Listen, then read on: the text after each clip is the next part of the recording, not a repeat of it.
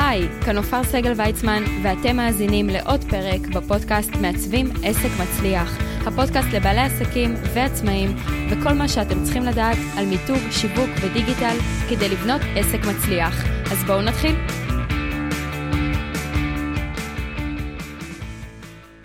טוב, אני מבינה שהגעתי לממלכה של נופר, אבל בכל זאת מתחשק לי להציג אותה, כי הרבה יותר מאשת עיצוב ומיתוג שיש לפודקאסט.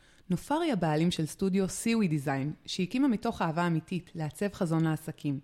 היא לא רק ממתגת ומעצבת אתרים, אלא גם מקימה אותם. היא לא רק סיימה את לימודי התואר בהצטיינות, אלא גם פיינליסטית תחרות מעצבי אלמנטור וורדפרס ישראל, שהפילה לרשימת 20 הפיינליסטים מתוך 200 משתתפים. טוב, נופר, אני מבינה שגדלתי מחבר ביד, כמו שאומרים. כן, מיכל, אז למען האמת, גדלתי עם הטכנולוגיה. אני ממש זוכרת שהיה לנו מחשב בבית כבר מכיתה א'. אה, את יודעת, המחשב הזה שאת צריך לכסות אותו בסוף השימוש, אה, מסיבה לא ברורה. וזה מסוג הדברים שאת פשוט נאלצת ללמוד לבד, ומתקדמת יחד איתו לאורך השנים. אה, ממש ראיתי את כל שלבי ההתפתחות של האינטרנט משלב מאוד מוקדם בחיי. אה, את יודעת, זה התחיל בתקופה שהיה לוקח 4-5 דקות להתחבר, וגם זה היה בתנאי שמסכימים לנתק את הקו טלפון בבית. את זוכרת את הצלילים של החיוג? או-אה, היסטוריה רחוקה, מיכל. אה, כן, בטח, בוודאי, הכל היה ממש שונה בזמנו. אני לא יודעת אם המאזינים זוכרים, אבל לא היה יוטיוב, ולא היה גוגל, ולא היו מדריכים. בעצם לא היה את מי לשאול, פשוט נאלצנו להתמודד עם הדברים. למשל, אם פתאום uh, Windows 98 הפך ל-2000, אף אחד לא מסביר לך מה עושים, פשוט לומדים. ובלי קשר, הייתי ילדת מפתח, מה שנקרא. ההורים שלי היו מגיעים הביתה רק בסביבות uh, חמש מעבודה, מן הסתם, שגרת עבודה רגילה. Uh, אבל לי ולאחותי, למשל, אני זוכרת שחיכו לנו שתי צלחות במקרר, לחמם במיקרוגל, כארוחת צהריים. אז אפשר לומר שדי התרגלנו להיות עצמאיות. אה, ולעשות הכל בכוחות עצמנו, לגלות הכל לבד, זאת אומרת, זה לא מכוונה רעה, אלא אין מה לעשות, ההורים עובדים וצריך ללמוד לעשות דברים לבד, כי עד שהם יגיעו, ככל הנראה אני כבר אצטרך לעשות משהו, אם זה שיעורים, או לגלות משהו במחשב בשביל איזה עבודה. אה, ולדעתי האמת, זה מה שהפך אותי היום להיות כזאת אוטודידקטית בהרבה מאוד תחומים. אז מילדה חובבת מחשבים עשית את המעבר לנערה שלומדת על עיצוב? אפשר להגיד, את תחום העיצוב פגשתי לראשונה בגיל 14, כשהצלחתי להשיג את הפוטושופ הראשון שלי, אה, ופשוט התאהבתי, אין כמו היכולת הזאת ליצור משהו משלי, עיצוב שלי במחשב. אני מכירה היום אה, הרבה מעצבים מוכשרים שהתחילו מהמקום של ציור, אז אצלי זה דווקא היה ההפך, הכישרון בציור ממש לא היה לי, על אף שתמיד רציתי. אז הציור לא צלח והייתה לך אופציה אחרת לעצב. בדיוק. פשוט התחלתי לנסות את הכלים, את האפשרויות בתוכנה, ובתיכון באמת הייתה לי הזדמנות להרחיב עיצוב גרפי, וגם חמש יחידות תכנות מחשבים, ולקחתי את זה בשתי ידיים. את הקמת עסק בגיל מאוד צעיר בשוק מאוד תחרותי. איך הגעת לזה? Uh, למען האמת, מאז ומתמיד הייתי כזו שהולכת בדרך שלה, אה, לאו דווקא נגד הזרם או משהו כזה, אלא קצת איתו וקצת במקביל אליו. לא, לא ניסיתי לשבור מוסכמויות, או לא הייתי כזאת קיצונית, אבל כל בחירה שלי הייתה מאוד שקולה ומחושבת. אה, אימא שלי למשל תמיד טוענת שהייתי ילדה שיודעת בדיוק מה היא רוצה ומה היא צריכה, ותמיד היו לי דרישות מעצמי. אז בעיקר שמחתי על עצמי שאני עושה את הדבר הנכון בדרך שלי, וגם אם היו מקרים שטעיתי, אני יודעת שלפחות ניסיתי. וחייבת לציין שלאורך השנים, זה לגמרי הוכיח את עצמו, גם כשרוב הסביבה פקפקה, או מה את עושה בתחום הזה, ואיך תהיה עבודה, אה, פשוט המשכתי בשלי. והנה, עובדה שטפו טפו טפו, זה מצליח. לגמרי. אה, אני לגמרי יכולה להגיד שכדאי לסמוך על האינטואיציות שלנו. אומרים שאנחנו נולדים איתם, ופשוט עם השנים, אה, בעצם כל ההגבלות, ואל תעשה ככה ולא כדאי לך, את יודעת, גם בתור ילדים מאוד מאוד צעירים וקטנים, דווקא היום אומרים שההפך, צריך לפתח את זה, וככל שתפתחו את זה יותר, החוש יכוון אתכם טוב יותר. טוב, זה נשמע קל מדי. המסלול שלך היה ממש ברור מההתחלה. לא, לא, לא, אוקיי. אז האמת שממש לא. אה, למען האמת, אחרי הצבא מאוד התלבטתי, האם ללכת לפן היצירתי בעיצוב, או לתכנות מחשבים, JavaScript ושפת C, שבאמת ככה למדתי בתיכון. אה, היה לי ממוצע בגרויות מאוד גבוה, אבל משהו בתחושת בטן דווקא משך אותי לצד היצירתי, והחלטתי להגיש מועמדות ללימודי תקשורת חזותית. אגב, היום אה, כבונת אתרים, התכנות לגמרי פוגש אותי כמעט כל יום, זאת אומרת, ממש הצלחתי למצוא את האיזון בין השניים ולדעת איך לשלב. איך היו הלימודים בכל זאת? ארבע שנים?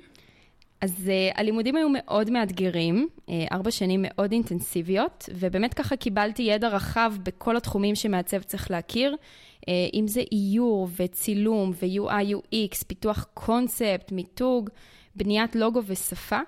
הקונספט של הלימודים הוא בעצם uh, עשייה של הכל במקביל. המשמעות היא שבכל שבוע עבדתי בערך על תשעה פרויקטים במקביל, אה, נניח שניים במיתוג, אחד בקונספט, אחד בצילום, אחד בניית לוגו, פיתוח יצירתי, זאת אומרת, באיזשהו מקום, למען האמת, זה ממש הכין אותי לעבודה שלי היום כעצמאית. בהמשך את סיימת את התואר בהצטיינות ויצאת לשוק. אז איך נראתה תחילת הדרך שלך כמעצבת? אמ, אחרי התואר עבדתי במשרדי עיצוב ופרסום, היה מאוד מעניין, עבדתי עם כמה מותגים מובילים, אבל משהו שם הרגיש לי לא נכון, זו הייתה תקופה מאוד מוזרה, אה, כי מצד אחד כל כך חיכיתי כבר לצאת לעולם האמיתי, מה שנקרא, וכביכול אני הולכת כל יום למשרד שאני עוסקת במה שאני אוהבת, אבל משום מה, כל יום שהגעתי למשרד, ממש הסתכלתי על השעון, מתי השעה חמש. אה, זו הייתה תחושה מאוד שונה ממה שהכרתי, ואם מקודם אה, אמרתי לך שתמיד הייתה את הדרך שלי, אז משהו פה לחלוטין השתבש. אז איך פילסת את הדרך שלך לעצמאות? למעשה פתחתי את העסק ב-2016, כי פתאום הגיעו אליי לקוחות, הכל עבד מפה לאוזן. אה, פה לוגו, שם מיתוג, פליירים, כרטיסי ביקור, כל מה שאפשר לעצב. ולאט לאט שמתי לב שאני רק מחכה להגיע הביתה מהמשרד, כדי לעבוד מול הלקוחות שהם שלי, שמחכים לעיצובים איתי, לשיחה איתי, להתקדמות, משהו שלחלוטין היה לי חסר במשרד. נשמע מבטיח. אז פה את התחלת לסלול את הדרך שלך החוצה? סוג של. Uh, למען האמת, אחרי כמה חודשים התחתנתי והחלטתי להתפטר כי עברתי לגור עם בעלי בסלובקיה. הוא התחיל ללמוד שם רפואה, והתקבלתי למשרה במשרד דיגיטל ובניית אתרים מאוד מוביל. Uh, ואם כבר הבנת שאני כזו שמנסה לארגן הכל מראש, אז הכל כבר היה סגור עוד מלפני הלוקיישן, הרילוקיישן, סליחה. Uh, בהתחלה, האמת שזה היה מאוד מרגש. גם לגור באירופה וגם להצליח לעבוד בתחום שלי. ממש לא מובן מאליו.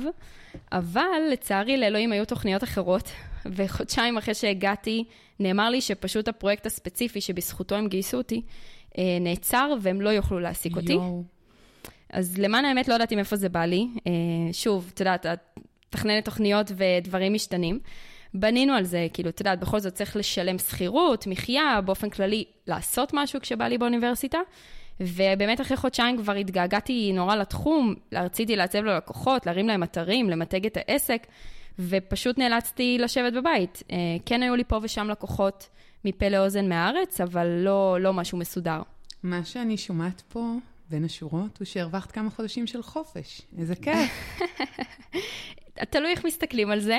אה, אז זהו, שבמקרה שלי, תתני לי יומיים לשבת רגל על רגל, וזהו. צריך לעשות משהו. אני, אני לפחות רואה את זה ככה, וכשאני נתקלת בבעיה, אני ישר מחפשת פתרון. אז אמרתי, אוקיי, אני במדינה זרה, אין לי פה עבודה, אבל אני פה, אני, זאת אומרת, אני לא חוזרת לארץ, והתפנה לי זמן.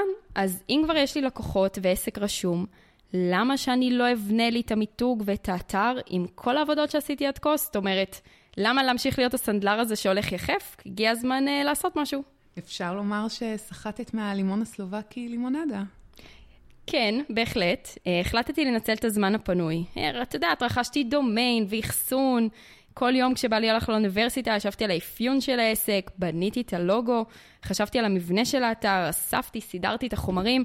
היה הרבה דברים לעשות, את יודעת, זה כזה ערכת צל הדרך שצריך לעשות. כתבתי הכל והעליתי לרשת. תגידי את האמת, איך זה היה להיות הלקוחה של עצמך? לא פשוט בכלל. חייבת לציין שלדעתי, אחד הדברים שהיו לי, זה תהליך המיתוג הכי קשה שהיה לי.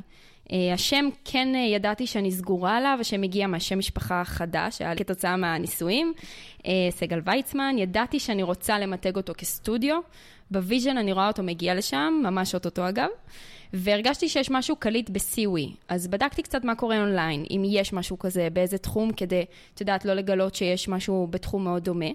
אה, קצת סקר שוק, ובמקביל גיליתי שבאחת משפות המזרח, הפירוש של סיווי זה התבוננות וכנות, וגם female בכמה שפות אחרות. Cool. אז זה התלבש לי בול על תחום המיתוג וגם על העסק שלי כמובן. טוב, ואיך החלטת לחזור לארץ? אחרי חצי שנה בסלובקיה, הבנו שאין ברירה, ואני חייבת לחזור לארץ כדי לפתח את העסק. אה, ישר הצטרפתי לקבוצת נטוורקינג, התחילו להכיר אותי יותר, ומן הסתם כתוצאה מכך גם הגיעו יותר לקוחות. אה, פרסמתי המון, בעיקר ברשתות החברתיות, ונתתי ערך, עד היום אגב. אה, וזה משהו שככה, את יודעת, העסק מתפתח ומתגלגל וקורים דברים טובים. אני מבינה שאת לא מציגה את עצמך כמעצבת ללוגו, אלא מסבירה ללקוחות שהסטודיו הוא one stop shop. נכון, אני מלווה בעצם אה, בעלי עסקים, יזמים וסטארט-אפים שרוצים לעוף גבוה. היום העסק שלי מתמחה בכל המיתוג והתדמית הוויזואלית שהעסק צריך, ואני מאמינה שמיתוג עושים במקום אחד, גם לדפוס וגם לדיגיטל. אני תמיד מסבירה את זה ללקוחות שלי שעסק הוא כמו רכב, צריך לעבור כמה שפחות ידיים. אני רואה עסקים שאת הלוגו עשה מעצב, ודווקא עשה עבודה מאוד טובה, אבל את הקאבר פייסבוק עשה אחיין בפוטושופ, והכרטיס ביקור, בקר... ביקור בבית דפוס, והדף נחיתה אשתו בנתה באיזה מערכת חינמית. יש בלאגן וצריך לעשות פה סדר. אנחנו מנהלים עסק, ואני מניחה שהמאזינים שלי הם לא איזה קוסם מתבגר שעושה ימי הולדת בשביל קצת דמי כיס. אה, אם יש כזה מקרב המאזינים שידבר איתי, אני מחפשת בדיוק מפעיל היום הולדת של הבת שלי, אני רצינית. אוקיי, אבל עכשיו ברצינות. אה, בכל זאת, לקוח צריך להרגיש שאתם רציניים ומקצועיים. האחידות הזו בכל הפלטפורמות כל כך חשובה. אין לכם מושג כמה זה תורם לאמינות שלכם. ותראי, בתכלס, מי שרוצה לעוף גבוה, חייב להשקיע בנראות שלו. אי אפשר לצפות uh, ממסעדת שף יוקרתית למשל, להיות באיזה מחסן עם כיסאות שאספה מהרחוב, ושכולם ישבו שם נניח על הרצפה. אלא אם כן זה הקונספט וזה הגימיק וזה מה שמיוחד במסעדה הזו. אבל בסטנדרט שבן אדם מצפה ממסעדת שף יוקרתית, זה ככל הנראה לא משהו כזה. לכן, אם אתם עסק טוב, רציני אה, ומקצועי, יש איזושהי ציפייה מהלקוחות שלכם לרמה מסוימת, ועם זה אי אפשר להתווכח. אז עם אלה העסקים את עובדת היום? היום אני מלווה בעלי עסקים ויזמים בתחילת הדרך, גם סטארט-אפים עם קונספטים אה, מגניבים ומיוחדים, וגם עסקים ותיקים בתהליכי מיתוג מחדש, או שהם סוף סוף הגיע הזמן לבנות אתר תדמית אחרי כל כך הרבה שנים שהם בתחום. ובשורה התחתונה, מיכל, אני מלווה ועוזרת לבעלי עסקים פשוט לעוף גבוה. עסקים וסטארט-אפים שחשוב להם להיות בטופ לעומת המתחרים שלהם בתחום. אה, וככה התגלגלתי, אני כל כך מודה על מה שקרה לאורך השנים, גם על הפאוזה הזו בחו"ל, שאפשרה לי לעצור הכל, לעשות סדר, להקים את העסק שלי כמו שצריך, ואני לגמרי חושבת שבלי זה, הייתי פשוט ממשיכה להתמרמר במשרד ולא הייתי מעיזה לצאת החוצה. אז היום יש לי חבילות מיתוג לעסק מתחיל וחבילות מיתוג מתקדמות, גם חבילות דיגיטל פרימיום לעסקים ותיקים שרוצים וצריכים את כל הנכסים הדיגיטליים ותדמית אחידה על הרשת. ובשנה האחרונה אני גם מרצה לבעלי עסקים עם הרצאת הדגל ממירים את המיתוג לדיגיטל, אה, בה אנחנו ממש מנתחים איך ניתן להיראות כמו עסק מנצח ברשתות החברתיות, אה, לקבל כלים לאיך לעצב את זה נכון, אה, וגם בסדנאות של מיתוג עסקי מנצח, שהאחרונה נדחתה לצערי בגלל הקורונה, ובה אני ממש מלמדת איך לבנות את עצמך כמותג. מנתחים את המיתוג של כל משתתף, כל בעל עסק שמגיע לסדנה, ממש לארגז כלים שאפשר לעבוד איתו, איך להעלות פוסטים מעוצבים, מהם החוקים הבסיסיים אה, בעיצוב, שכל עסק חייב לדעת, אה, אם זה לפייסבוק, לקאבר של עמוד, למצגת עסקית וכדומה. אה, אגב, זו סדנה ממש פרקטית, שמקבלים ממנה המון ערך, גם מתנות שימושיות וגם מעצבים בכוחות עצמם, בעלי עסקים שמגיעים לסדנה, ממש פוסט פייסבוק בליווי צמוד שלי. ובעיקר נהנית כל יום מחדש, את יודעת, ליצור, להפיק, להעביר מסר, לשוחח עם הלקוחות, ובעיקר לראות את הסיפוק של הלקוח, שהוא הגשים חלום, מתגאה במיתוג או באתר שבנינו לעסק שלו. וזה ללא ספק גם מן הסתם ממצב אותו אוטומטית במקום גבוה יותר. יש לי וידוי. דברי אליי. אני עשיתי לך stalking בגוגל לקראת הראיון, וראיתי שאת עוסקת גם במחול. אה, יפה, מיכל. אישה רצינית יש לי פה, כשהיא מגיעה לראיין. כן, אז uh, מה, מה עומד מאחורי זה? אוקיי, okay, אז קודם כל אני מודה באשמה.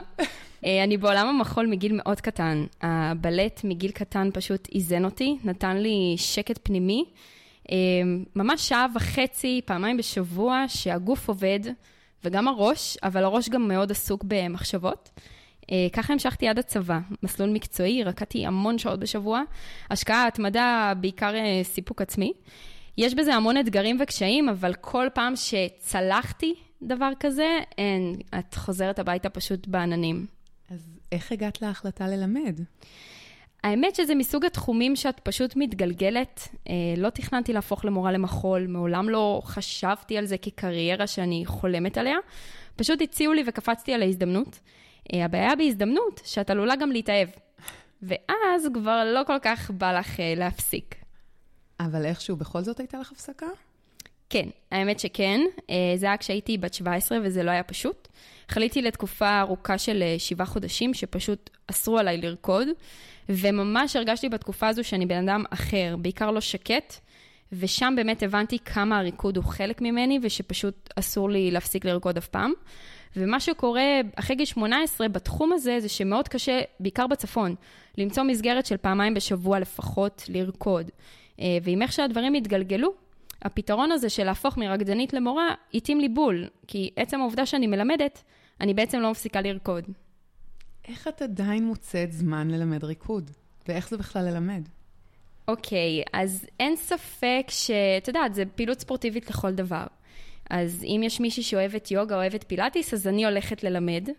אמ, אני עדיין מלמדת פעמיים בשבוע, בשעות הערב. מצד אחד אני מאוד אוהבת את מאחורי הקלעים, מה שנקרא, וכמעצבת גרפית או כמורה למחול, ברגע האמת את באמת נמצאת מאחורי הקלעים, זה לא הפרונט אה, שלך. אבל מצד שני, אני גם מאוד רגילה להופיע, לעמוד מול קהל, להיות על הבמה כמובן, מגיל מאוד צעיר, אה, להיות בפרונט כשצריך, מה שנקרא, אם זה להרצות, לנאום נאום, אפילו עוד מתקופת הבית ספר או הצבא, פשוט תנו לי את הטקסט, אני אעלה לבמה בכיף, אה, וגם אם אין טקסט אז אין לי בעיה לאלתר. וממש התאהבתי בהוראה עוד כשהייתי מדריכת uh, שלח צעירה בטיולים בבית ספר, או מדריכה באיזו קייטנה בתור מתבגרת, אבל כשהתחלתי ללמד מחול, הבנתי עוד יותר איזה סיפוק אדיר זה להשפיע על דור העתיד, לחנך, לראות אותן uh, ממש גדלות. ללמד ערכים, אם זה אחריות ומשמעת עצמית, uh, בכלל לאהוב אתגרים, לא לוותר לעצמך כשקשה, המון המון דברים ממש טובים שכיף לראות אותן אה, מקבלות את זה ומושפעות מזה לטובה. ובסופו של דבר, לגבי איך זה ללמד, אז כל שיעור הוא תהליך בפני עצמו. אני צריכה להוביל אותם לביצוע המדויק אה, והטוב ביותר. להתקדם, להשתפר משיעור לשיעור ולהגיע לתוצאות. בכל שיעור יש אתגר וצריך לצלוח אותו, גם אם לפעמים זה לוקח זמן, לפעמים יש דברים שלא מצליחים ישר וזה לוקח שבוע, שבועיים וחודש. אה, העניין הוא שהחוכמה במחול היא לבצע את התנועות מתוך הבנה, ולתת למשהו פנימי בך לפרוח, כדי באמת להצליח להעביר את הרגש הזה דרך התנועות לקהל הצופים. זה קשה לעבור מללמד ולרקוד בסטודיו למחול, ללשבת על האילוסטרייטור והוורדפורס בסטודיו שלך יותר היום? Um, לא. דווקא הכלים שרכשתי מהוראת המחול נותנים לי המון היום כעצמאית. אם זה התארגנות מראש, או דרכים להעברת מסר בלי לומר מילה, אה, עמידה מול קהל, התבטאות בעל פה, הובלת תהליך, וכמובן גם הרבה סבלנות והקשבה ויכולת uh, להסביר וללמד. זאת אומרת, uh, למען האמת הייתי, הייתי אפילו אומרת שגם ניהול תהליכים במקביל, יש משהו בקורדינציה התנועתית שהתפתחה אצלי במהלך השנים, שעוזרת לי לנהל כמה פרויקטים במקביל ולחשוב על כמה פרויקטים במקביל, אה, לגמרי, לגמרי יתרון גדול. נעזוב את המחול, יש לי שאלה אחרת. כן. יש פרילנסרים שמאמינים שאפשר ליצור רק כשיש להם מוזה. יש כאלו שאומרים שזה בולשיט. תסלחי לי על השפה. מה, מה הגישה שלך לזה? תראי, מוזה תמיד הייתה חלק ממני. אה, יש משהו במחול ובעיצוב שהוא יוצא ממני מאותה נקודה. בשניהם יש את היצירתיות ואת המוזה. בעצם את הרצון להעביר את המסר או את הרגש, או ממש לספר סיפור בתקשורת מסוג אחר, שהוא לאו דווקא מילים. זכיתי לעשות את זה פשוט גם דרך עיצוב וגם דרך מחול. אני לא אשקר, יש ימים שאני מרגישה תקועה, אבל ברוב המקרים אני פשוט יוצאת לעבוד במקום אחר, או קוראת איזה מאמר טוב בעיצוב, מאזינה לאיזה פודקאסט על אה, מוטיבציה, והכל פתאום חוזר. זאת אומרת, מוזה היא, היא כלי לכל דבר, צריך לדעת לעבוד איתה. גם uh, האוטו שלנו יכול בוקר אחד לא להניע, לכל דבר יש פתרון. את רואה דמיון בין שני התחומים, אגב, אם את משווה את המחול, העיצוב? אם תשאלי מישהו מבחוץ, אז הוא יגיד שאין שום דמיון, אבל דווקא בגלל שאני מגיעה מבפנים וחווה את זה כל כך ביום-יום, יש משהו מאוד דומה. בשני התחומים אפשר לראות תהליך של התחלה, אמצע וסוף, ופשוט הפורמט, נקרא לזה ככה, הוא אחר. במחול זה יהיה ה number בריקוד שאיתו מופיעים, ובעיצוב זה יהיה הלוגו שיופיע על הבניין, או אתר תדמית שיפורסם. בסופו של דבר, בשני התחומים צריך לעבור רגש מסוים ומסר ברור. אל תכעסי. עוד שאלה אישית, כי אני סקרנית, אולי גם המאזינים. אוקיי. בעלך כבר רופא? אוקיי, אז אה, כן, בעלי אוטוטו מסיים את, אה, את הלימודים שלו, בעזרת השם. אה, יש לו עוד דרך ארוכה, ללא ספק, אבל כשאתה מרגיש שזה הייעוד שלך, ששום דבר לא יעצור אותך. זאת אומרת, ידענו את זה מראש, אנחנו נכנסים למשהו שהוא מאוד אינטנסיבי, אבל כשזה מה שאתה מרגיש, אנחנו לא נתווכח. יש לך טיפ לבעלי עסקים שמחכים לרגע הנכון, המושלם, להתחיל למתג או בכלל לשווק?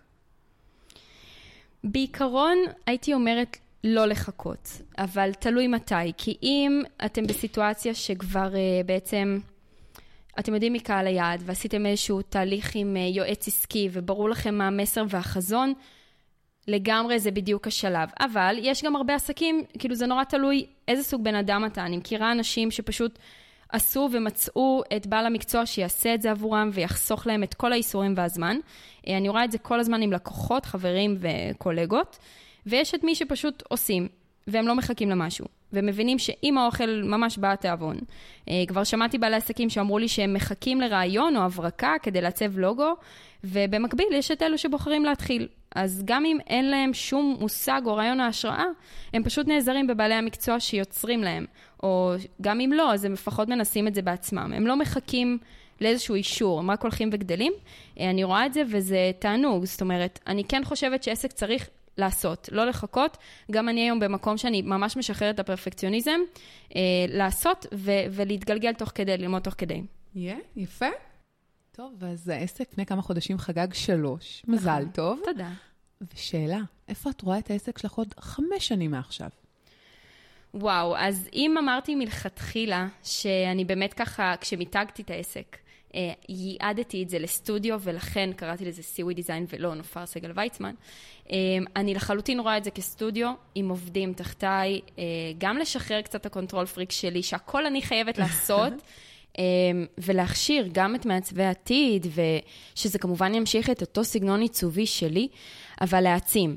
כדי באמת לעזור לעוד ועוד בעלי עסקים, יזמים וסטארט-אפים לעוף גבוה. וכמובן גם לעזור לעוד לקוחות, לבנות להם את האתר שלהם. את יודעת, בן אדם אחד, כמה עבודה הוא כבר יכול לעשות. זה או שזה משתלט עליך ופוגע בתחומים אחרים, אמ, או שבאמת אתה ממנף את זה וגדל יחד עם זה. זה דבר ראשון. ואחד הדברים שככה אני מתחילה לחשוב עליהם, שבעצם הגורם היחיד שחסר בפאזל אה, זה נושא של שיווק וקידום. ויכול להיות שייווצר באיזשהו מקום לסטודיו איזשהו שיתוף פעולה עם מישהו שמוביל בתחום הזה, וזה ממש ייצור את ה-one stop shop האידיאלי, אה, שזה גם האסטרטגיה השיווקית וגם כתיבת תוכן וגם המיתוג וגם דיגיטל, כל מה שהעסק צריך מהבחינה הזו במקום אחד. איזה מגניב, נשמע טוב. טוב, לפני שאנחנו נפרדות, כמה שאלות אישיות יותר. או-אה. נצא לדרך? יאללה, זורמת איתך. קפה או תה? תה, אני לא שותה קפה בכלל. די.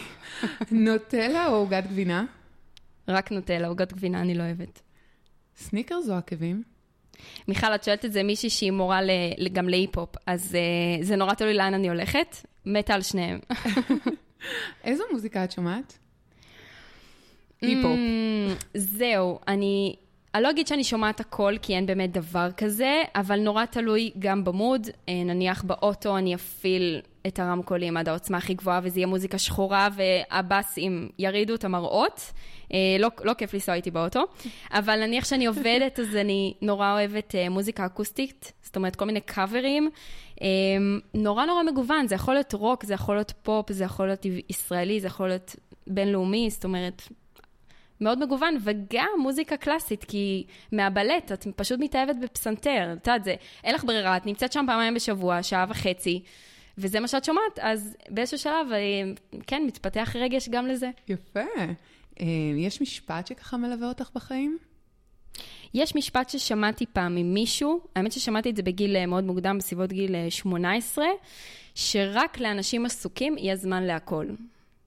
ואני מרגישה שזה משהו שהוא מלווה אותי תמיד, כי תמיד היו לי עיסוקים ודברים, ואם זה המחול, סליחה, או משהו, את יודעת, מלא דברים, אין, זה, זה משפט לחיים לחלוטין.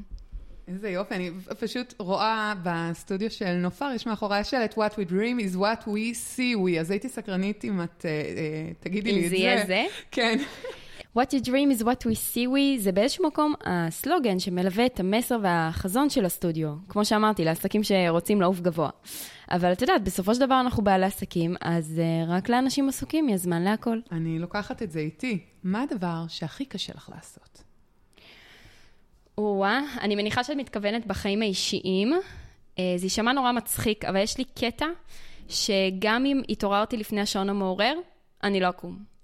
עד שהשעון לא יצלצל, גם אם זה שבת בבוקר, ודי, התעוררתי תשע בבוקר, לא. עד שהשעון לא מצלצל ואני יודעת למתי כיוונתי אותו, אני נשארת במיטה. איזה... טוב, לא, לא הכרתי משהו כזה. טוב, מסמנים לי שנגמר לנו הזמן פה.